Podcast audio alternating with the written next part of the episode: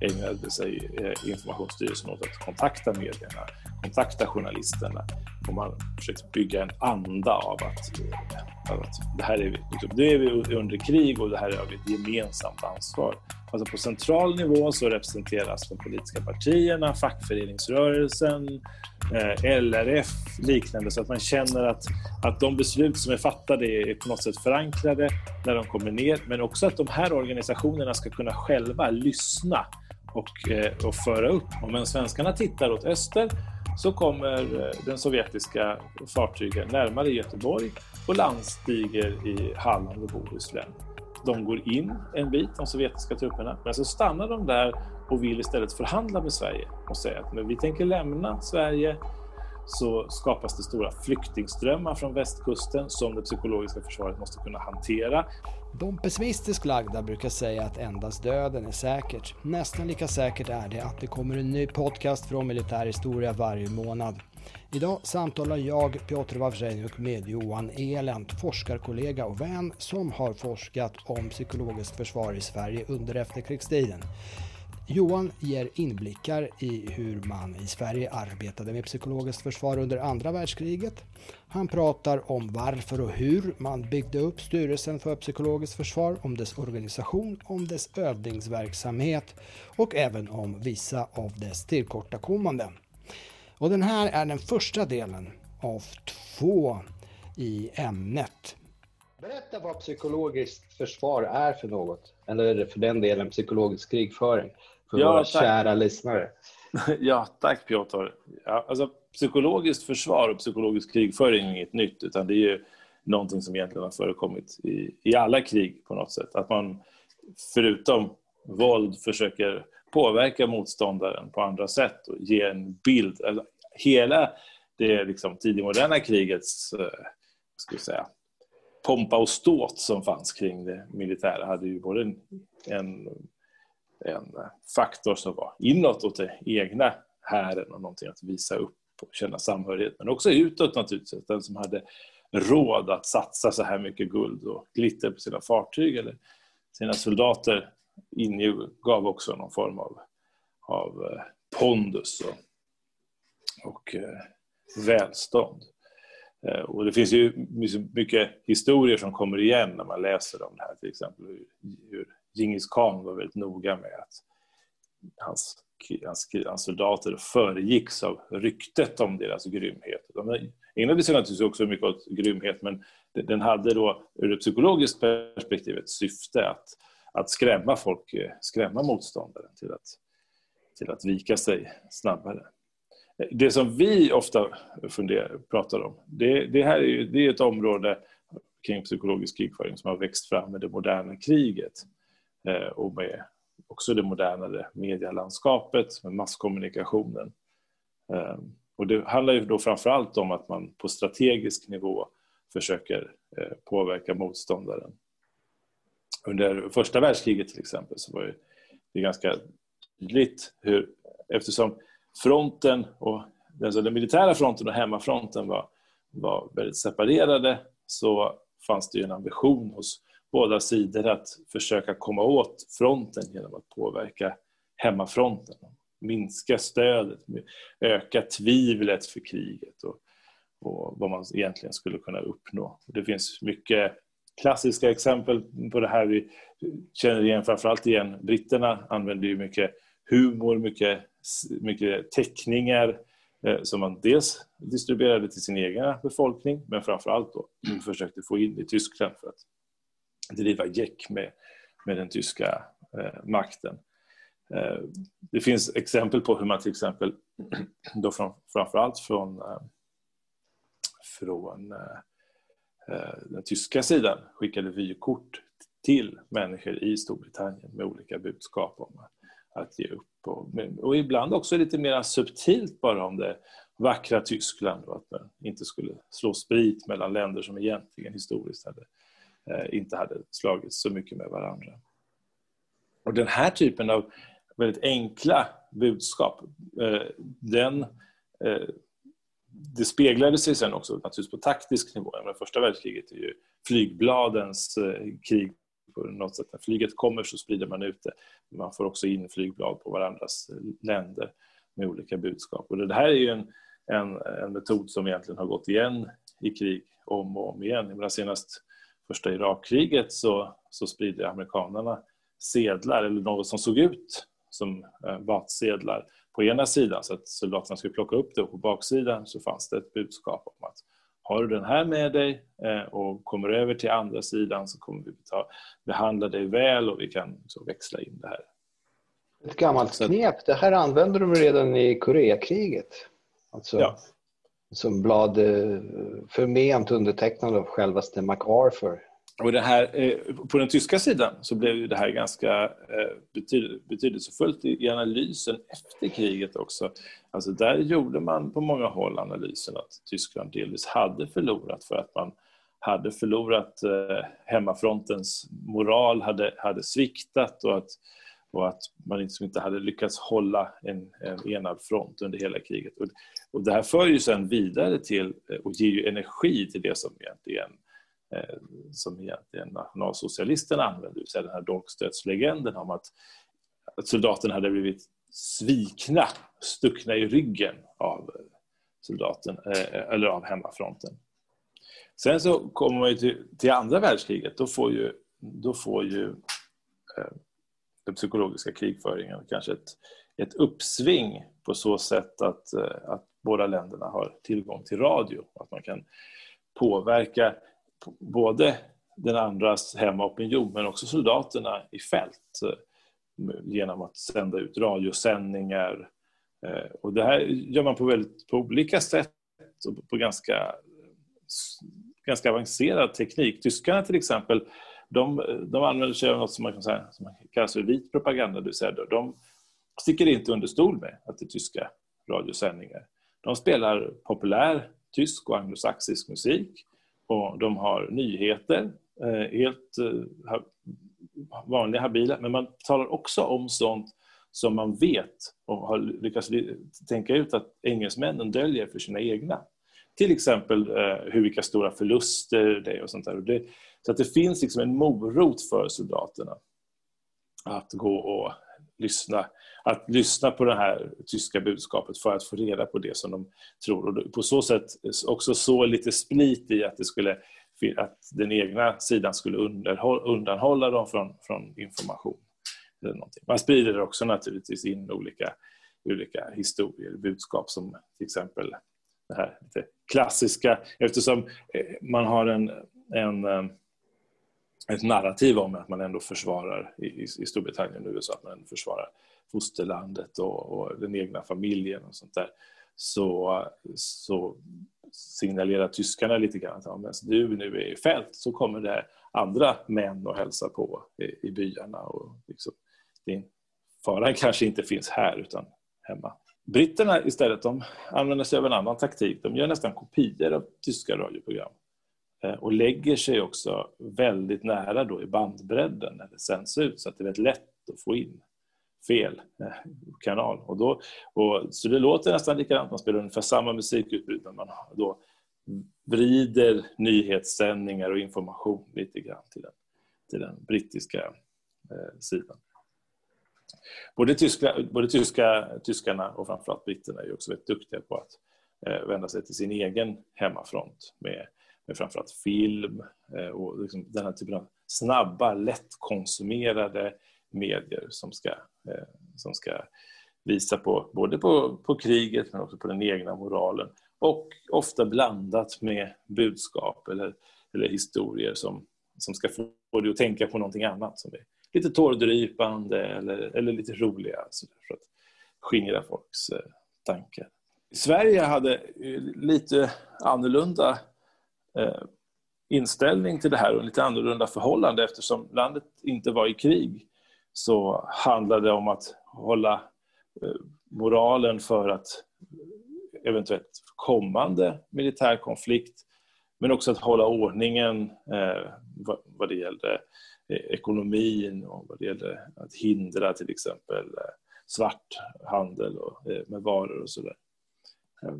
I början, av, I början av kriget så försökte också den svenska etablissemanget tona ner faran med ett krig i Sverige för att inte skrämma upp befolkningen. Man, man hade en strävan om att livet skulle pågå så mycket, det skulle vara så normalt som möjligt även under kriget. Man startade också eh, efter ett tag Statens informationsstyrelse för det här. Det här blev en lite problematisk eh, myndighet på så sätt att den dels då skulle informera och ge media eh, liksom, regeringens och statsmakternas, försvarsmaktens bild. Försvarsmakten hade i och för sig också egna organ, men det här var det samlade. Men samtidigt så var det samma myndighet som hade eh, till uppgift att försöka begränsa eh, och försöka, ta, eh, försöka kontrollera vad medierna skrev. Så de här så kallade grå lapparna som var, eh, som var ett sätt för institutionsstyrelsen att inte censurera men att tydligt påpeka att det här eh, som ni har skrivit, det tycker vi inte är okej. Okay. Eller det här som ni har, eh, det här är ett tema som ni bör undvika. Och det kunde, de här temana kunde vara allt från att eh, man tyckte att man hotade ransoneringen till att en nyhet talade om vad svenska förband var grupperade. Eller så. De, de det är värt att säga dock att de grå lapparna var, liksom ett, det var ett undantag, att man skickade de här sakerna. Utan oftast då ägnade sig eh, informationsstyrelsen åt att kontakta medierna, kontakta journalisterna och man försökte bygga en anda av att, eh, av att det här är vi, liksom, nu är vi under krig och det här är ett gemensamt ansvar som man, som man eh, alla måste ta. Men, men just den här dubbla rollen gjorde att efter kriget så, eh, så blev den här eh, verksamheten väldigt kritiserad och, och framförallt den, den, den, från kritikersidan så försökte man visa på att det här var liksom en form av svensk censur som inte passade in i en eh, demokrati. Och det fanns också en, en, en av de kända rösterna på den svenska sidan skrev en eh, pamflett där han argumenterade för att, att man kanske hade missat saker på den svenska sidan, att den brittiska propagandan från hans perspektiv egentligen var värre än den tyska. Och hans argument gick då ut på att den, den brittiska var så subtil och att britterna ändå populärkulturellt var, såg så positiva i Sverige så att vi inte reagerade på när britterna sände eh, ett budskap som hade ett syfte eller som var falskt till oss. Medan det tyska var så tydligt med tidningen Signal och tyska radiokanaler så man kände igen det. Så att den som mötte den tyska propagandan genast ryggade tillbaka och förstod att ja, men det här är ett tyskt budskap och det, det är färgat.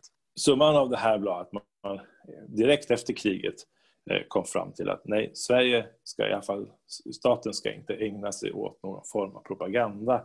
Vi ska inte gå vidare eh, med den här typen av verksamhet. Okej, okay, du berättade att man precis drog slutsatserna att någon inrättning för psykologiskt försvar för Sveriges vidkommande inte var aktuell. Sen svänger Sverige, den svenska inställningen förändras gällande psykologiska försvaret. Vad var det nu som eh, åstadkom den här svängningen? Dels är det faktiska händelser och dels är det nog en, en inställning i eh, framförallt den svenska försvarsmakten Eh, Eh, inom det svenska försvaret så börjar man fundera på vart man går vidare. Hur ser, hur ser det framtida kriget ut? Och med kärnvapnen och med erfarenheterna från eh, andra världskriget så kommer man till slutsatsen att ett framtida krig det kommer att bli ett så kallat totalt krig och det kommer att inbegripa alla olika områden av samhället.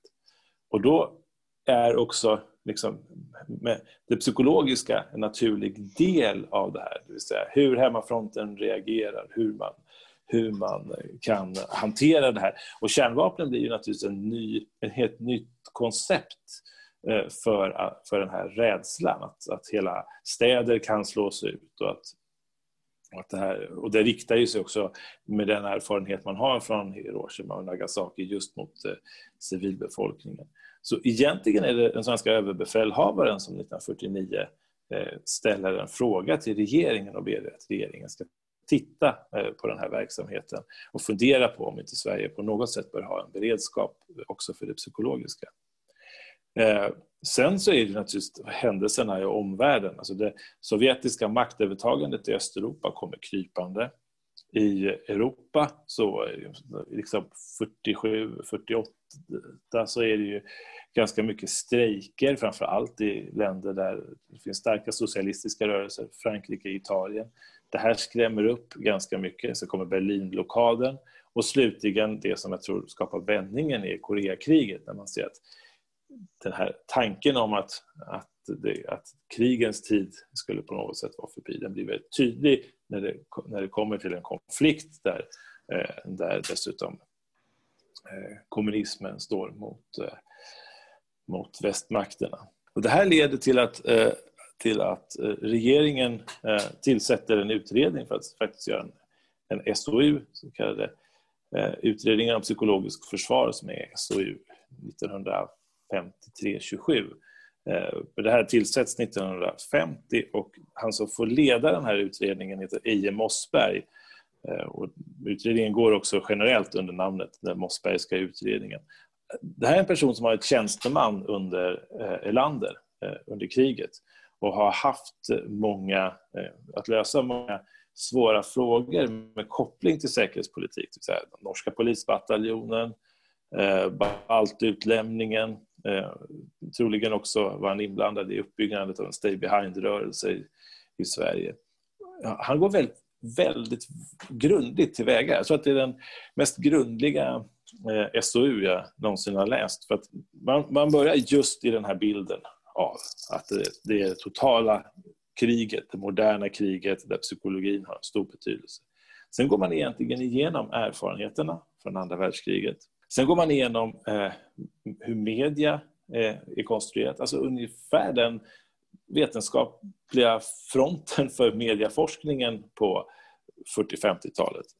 Och så kopplar man det till psykologi. Och det intressanta här är ju att psykologi är ju ett ämne på frammarsch under 50-60-talet. Det blir närmast ett eh, ett inneämne och när man tror att psykologin, eller hoppas ska man väl säga, att psykologin kan ge svar på många av liksom, samhällsfrågorna i, i, form av både hur man kommunicerar men framförallt hur människor reagerar och vad man kan vänta sig. så så att det finns ju, andas ju en stor förhoppning och en stor tilltro till vad man kan göra. Vad som är tydligt i utredningen är också att det speglar väldigt mycket uppbyggnaden av folkhemmet. Och det är också folkhemsidén som man vill försvara. Det finns också lite av den tanken som man hade under andra världskriget, det vill säga att, krig, att kriget kan fortgå, Sverige kan bli isolerat. Och då är det psykologiska försvaret en del i att få hemmafronten, att få det svenska samhället att fortgå så mycket som möjligt utan att bli stört. Och det har vi ju i hela eh, det koncept som byggs upp under kalla kriget. Det vill säga det, det finns beredskap för allt för lokaltidningar till, eh, till oljelager för att liksom, samhället ska kunna fungera. Och här har det psykologiska försvaret en tydlig, eh, tydlig roll att spela. Och man pratar om att, att det svenska folket ska vaccineras mot propaganda. Mm. Eh, I, den här, I den här andan så kan man också se lite grann att eh, den här utredningen kanske syftar det till att i ett första steg faktiskt börja vaccinera eliterna, det vill säga den är väldigt informativ och riktar ju sina, sig just till regeringskansliet och där man vill tala om att så här, eh, de här erfarenheterna har vi, det här skulle vi kunna göra. Det, och det som är centralt också ska man lyfta fram för hela det här, det är att man konstaterar att eh, man kan inte möta propaganda med motpropaganda. Utan man måste möta propaganda med sanning.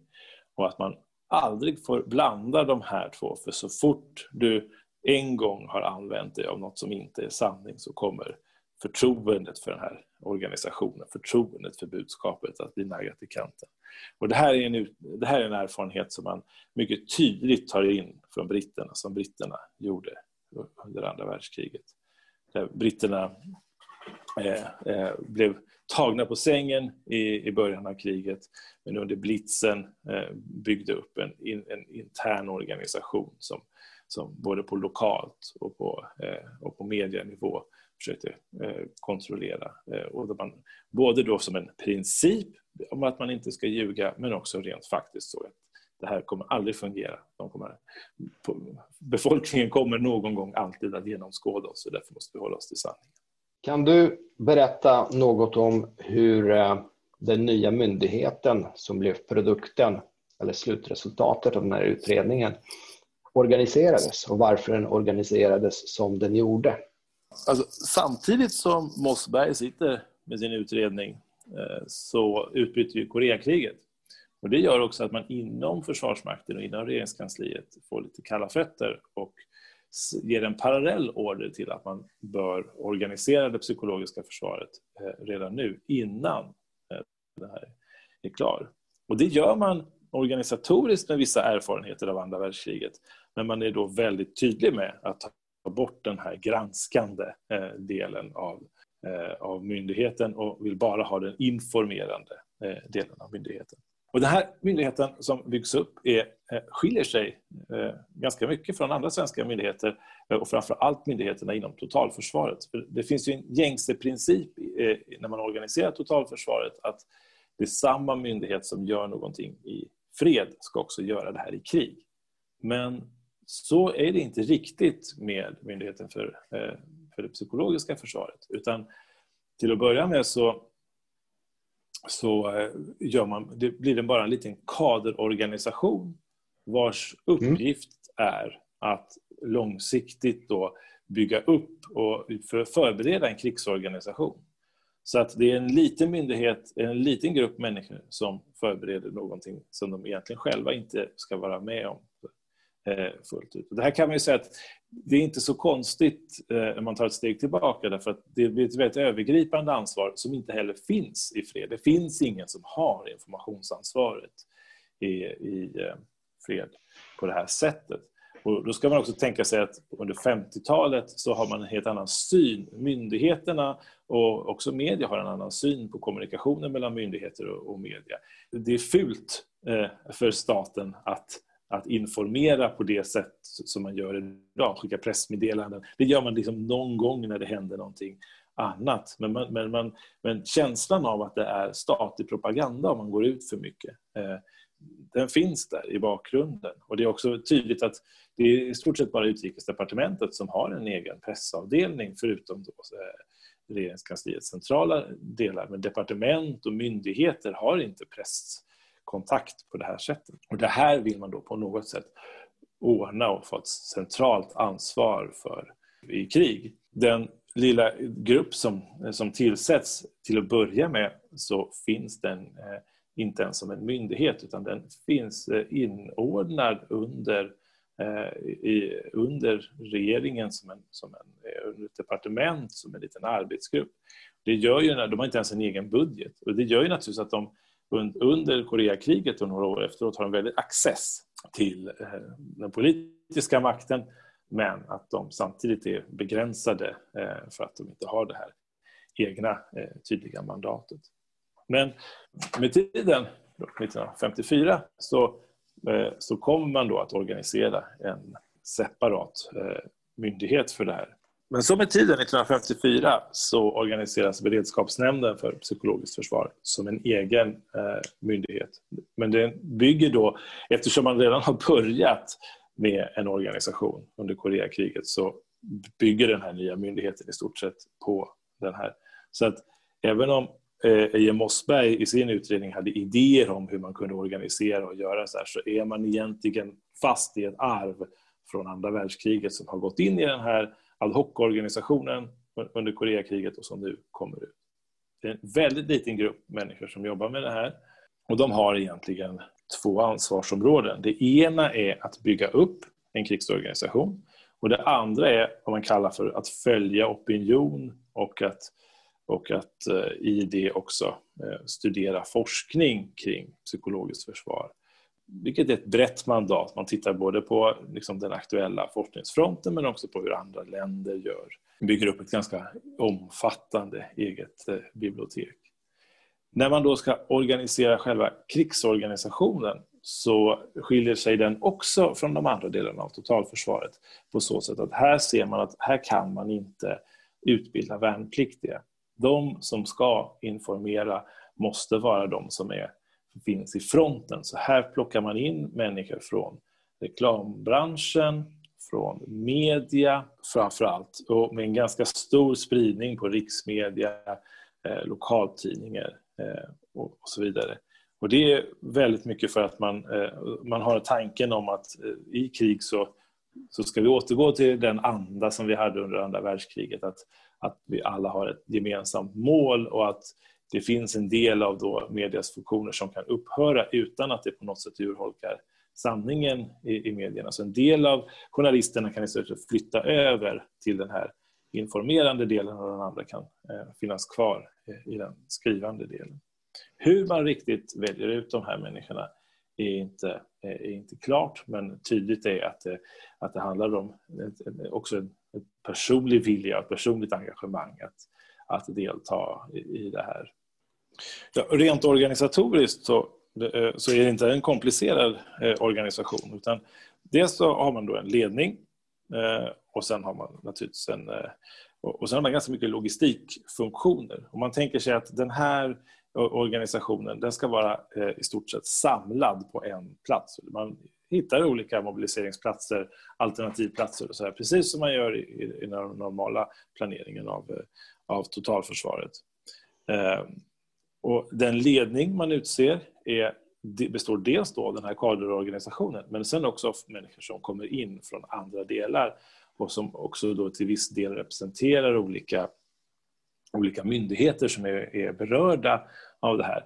Eh, mm. till exempel Sveriges Radio är ett exempel på det som då är en myndighet som ska sprida ut. Men sen har vi också Styrelsen för ekonomiskt försvar och andra delar av totalförsvaret som kan ha ett intresse av att sända hända. Så att man samlar dem eh, i en, i en ledning kan man säga. Sen så finns det underavdelningar som, som består då framförallt av journalister och reklammänniskor.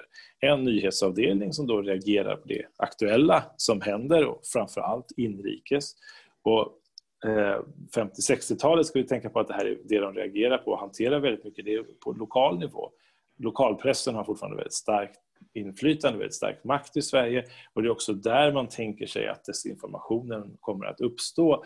Både av sända saker, men man är också väldigt medveten om att rykten kan lätt komma att spridas. Att när man till exempel ställer om från fred till krig och man ska tömma alla, alla skyddsrum som i fred används som upplag för skidor och, och maskiner och annat så kommer det naturligtvis att eh, uppstå friktion och folk kommer att säga att ja, men det här kommer, kommer det här eh, skyddsrummet verkligen att hålla för kärnvapen eller någonting. Och så då blir det på något sätt deras eh, ansvar att och, och försöka hitta ett sätt att argumentera emot det här och sända, sända ett eh, tydligt budskap. Sen finns det en informationsavdelning som mera är fokuserad på att få ut den information som myndigheterna vill få ut. Och då har vi, det som jag sa, det ekonomiska försvaret är en stor intressent här. När vi ska införa sanktioner eller såna här ransoneringar och sånt där så är det väldigt viktigt att, att man också följer med ett budskap Därför att varje budskap om ransonering signalerar ju också att någonting är en brist som kan leda till hamstring och då måste man både tänka på det här solidariska men också säga att nej, det här kommer inte att ta slut utan om vi gör så här så kommer det här att, att sköta och vi kommer också att ta hänsyn till, till så här.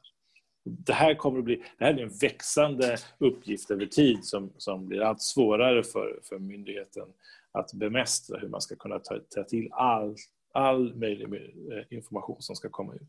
Så finns det en utrikessektion som, som syftar till att eh, ta hand om utrikeskorrespondenter, alltså utländska journalister i Sverige. Man ska naturligtvis också följa och läsa utländska medier så att man förstår vilken bild det finns, så att man har att sända, men man ska framför allt ta hand om de här utländska eh, journalisterna.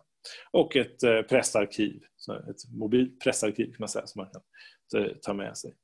Sen finns det under vissa tider en, eh, en intressant eh, eh, eh, avdelning som inte är grupperad med de andra, som heter radiobevakningen. Och det här är eh, språkintresserade, språkbegåvade människor som då tydligen delvis själva har, har, valt att vara med här och delvis har sökts upp, som kan olika eh, relevanta språk och som, som så sätts att lyssna på sändningar riktade till Sverige framför allt, men också internationella sändningar för att spåra läget. Och den här organisationen är, är intressant på så sätt att det är nog den enda verksamhet som på något sätt i ett skarpt läge har använts.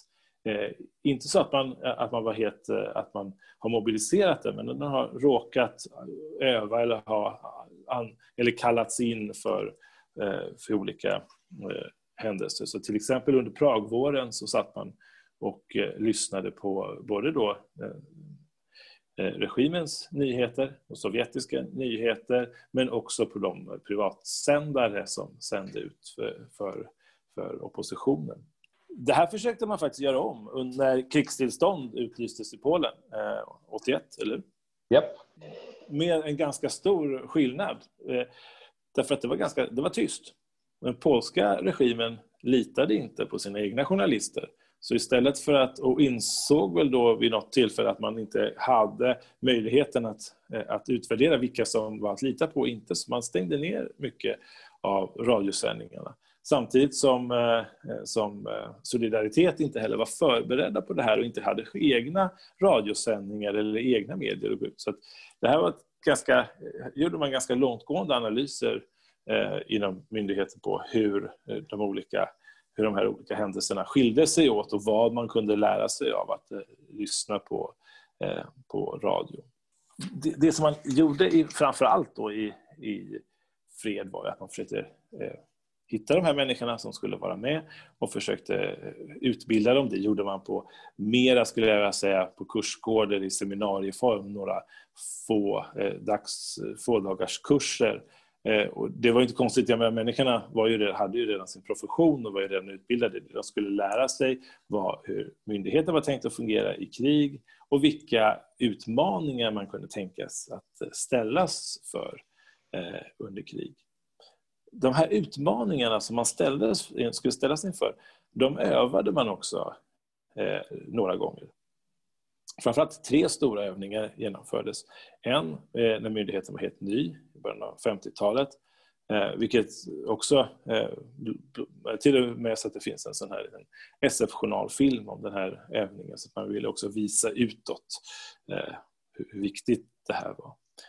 Sen genomfördes en övning under, eh, under 60-talet och en övning under eh, 70-talet. Och det går att se hur de här övningarna också på något sätt blev snarare en utvärdering av den tanke som man hade än en övning. Ganska snart går man in i båda de här och, modellerar om och säger att men det här fungerar inte. I den, första, eh, I den första övningen så blir det väldigt tydligt att just det här med, med statens behov av att sända information blev så stort så att, min, så att, eh, så att den, det som kallas då Statens upplysningscentral som ska ha hand och sända ut det här de, de kommer inte att klara av eh, att hantera allt det här. Så det, det, blir liksom en tankeställare eh, där man, måste, man tänker att man måste organisera om det här. Samtidigt är det ju så att det sker en förändring eh, framförallt under 60-talet där först myndigheterna själva börjar informera mera. Det, det blir tydligare att man, man man går ut och myndigheterna själva får kapaciteten att hantera sina egna områden.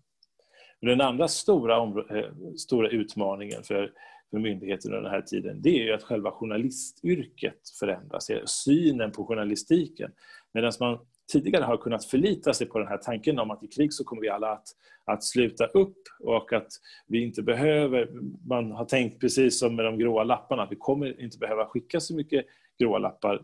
Nu var inte det något som man tänkte sig göra överhuvudtaget. Men vi kommer inte kunna förbjuda så mycket, utan vi kommer kunna resonera oss fram till vad medierna ska skriva. Vi kommer kunna vänligt och bestämt informera dem om att det här kan vara, eh, kan vara dåligt för svensk säkerhet om det gör. Ja, vi spelar alla ungefär på samma våglängd. Va? Precis, och, och, och, det, och, folk har ett, en erfarenhet, en levd erfarenhet av andra världskriget så, i sin yrkesroll som de kan ta med sig. Och Man ser dessutom, det finns väldigt mycket eh, reservofficerare inom press, inom lokalpolitik som man liksom kan vända sig till och appellera också till den, till den sidan. Men det här ändras ju under slutet av 60-talet och, och början tänker, du på, tänker du på mirakelåret 1968? Och liksom Men mirakelåret 1968 karaktäriseras ju just av det här. Att man, eh, om man ser det från ett journalistiskt perspektiv så att medierna ska ju granska makten. Och att man tänker sig att någon som har som identitet att granska makten skulle kunna vända sig och gå med makten i den, i den eh, utsträckning som man har tänkt sig här. Det är inte särskilt eh, sannolikt. Det är ett ifrågasättande. Man, man, får, man ser också då samtidens krig hur, hur, hur media egentligen framförallt längre fram när Vietnamkriget drar igång, när media får en så tydligt granskande roll eh, i, och egentligen är de som väldigt mycket, inte bara, det är de som ger bilden av kriget men också kommenterar eh, kriget. Och det här inser man att det här kommer att bli omöjligt eh, och att man också på något sätt måste ändra på sitt sätt. Eh, samtidigt så försvinner ju lokaltidningarna, får en mindre betydelse. Det kommer mer riksmedier och TV kommer in. TV har fortfarande inte en, en, en central roll och framförallt från den här för myndighetens eh, perspektiv så är det fortfarande lokaltidningarna en väldigt viktig kanal. Men, men sakta så blir man mer och mer medveten om att de här sen rikstäckande medierna kan bli en allt viktigare eh, kanal.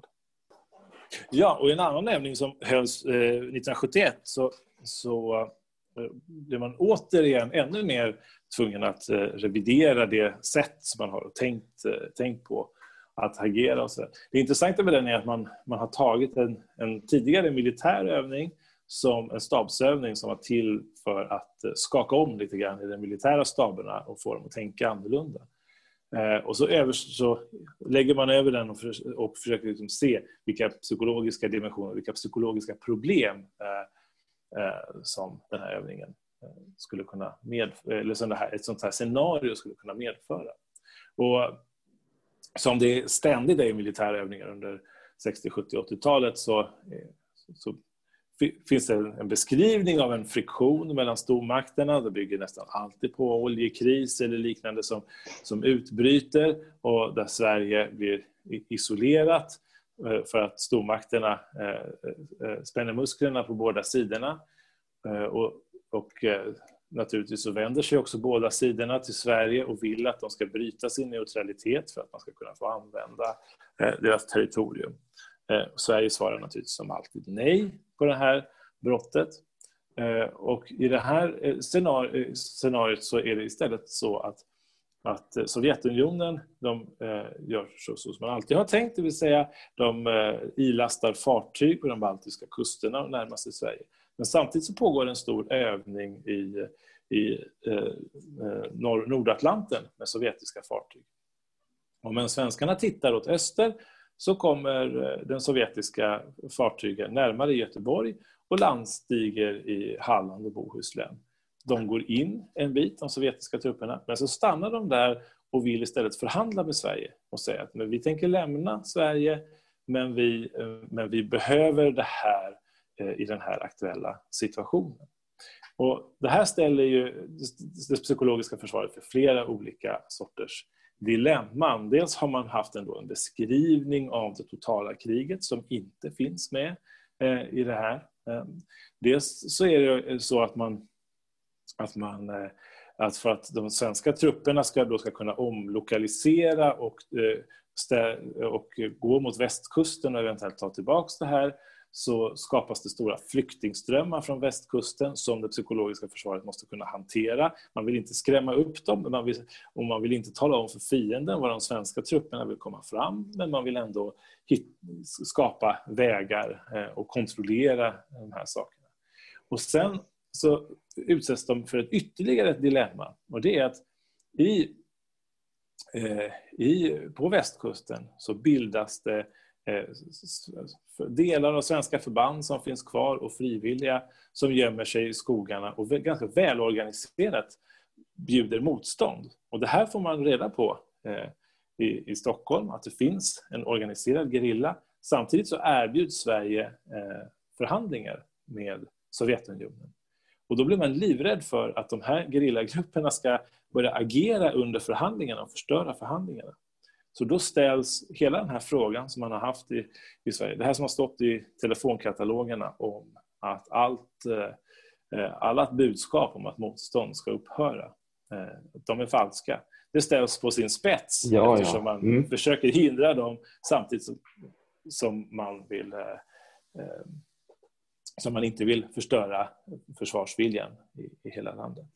Förutom att den här myndigheten då skiljer sig från andra totalförsvarsmyndigheter genom att den eh, framför allt är organiserad i krig och att en, en organisation i fred och en annan i, i krig.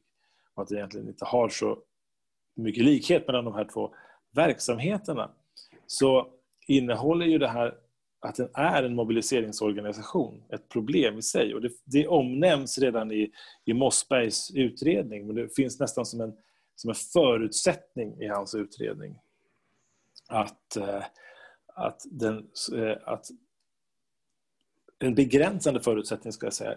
Och det är det att eh, man, man skapar organisationen först när regeringen säger att den måste mobiliseras.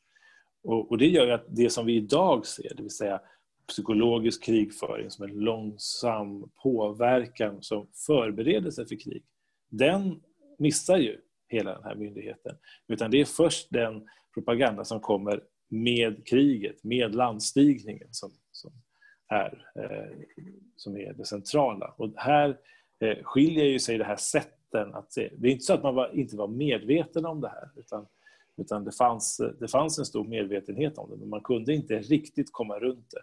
Hade man haft en stående organisation i fred så hade man hamnat väldigt mycket i den här vad ska jag säga, diskussionen om, om statlig propaganda. Mm. Eh, ett sätt.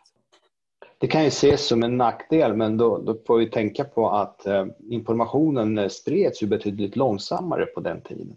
Ja. Det, det, är inte det här eh, problemet med att hänga in informationen på ett par timmar som säg, man har idag. Nej, eh, och, det, och det är sant. Plus att man använder sig av andra verktyg. Alltså hela den här tanken som är att det är en organisation som, som är stöpt i folkhemmet är också att hela styrelsen för det psykologiska försvaret och det när man väl, väljer ut människor som ska vara med. Det finns en korporativ tanke om det här. Alltså på central nivå så representeras de politiska partierna, fackföreningsrörelsen, eh, LRF, liknande, så att man känner att, att de beslut som är fattade är på något sätt förankrade när de kommer ner, men också att de här organisationerna ska kunna själva lyssna och, eh, och föra upp kunskap. Och det här finns faktiskt längre ner också. Man skapar eh, embryot till någon slags lokalorganisationer. Det här gör man med brittisk förebild. Och de här lokalorganisationerna de är inte alls eh, utbildade eller sådär för det här utan här väljer man ut människor som har ett stort förtroende i lokalsamhället. Så man tänker sig att de här ska lyssna. Man hade lite av det här under andra världskriget också. Men framför allt så ska de kunna sprida information om, man blir, om, eh, det här, om en region eller en stad eller någonting blir, blir eh, avskärmad. Eh, så att man, man, mycket av det som liksom går förlorat man säga, i organisationen försöker man kompensera genom en trygg och stark folklig förankring. Tack så mycket för att ni lyssnade och vi tackar alla dig Johan för insats nummer ett. Vi hörs åter i december. Johan kommer också att återkomma inom de närmaste månaderna med en fortsättning på sin frapperande berättelse. Tills dess får ni hålla till godo med den befintliga floran av våra podcaster och militärhistoria. Den militärhistoriska podcasten för vuxna tar avsked. Adjö, adjö.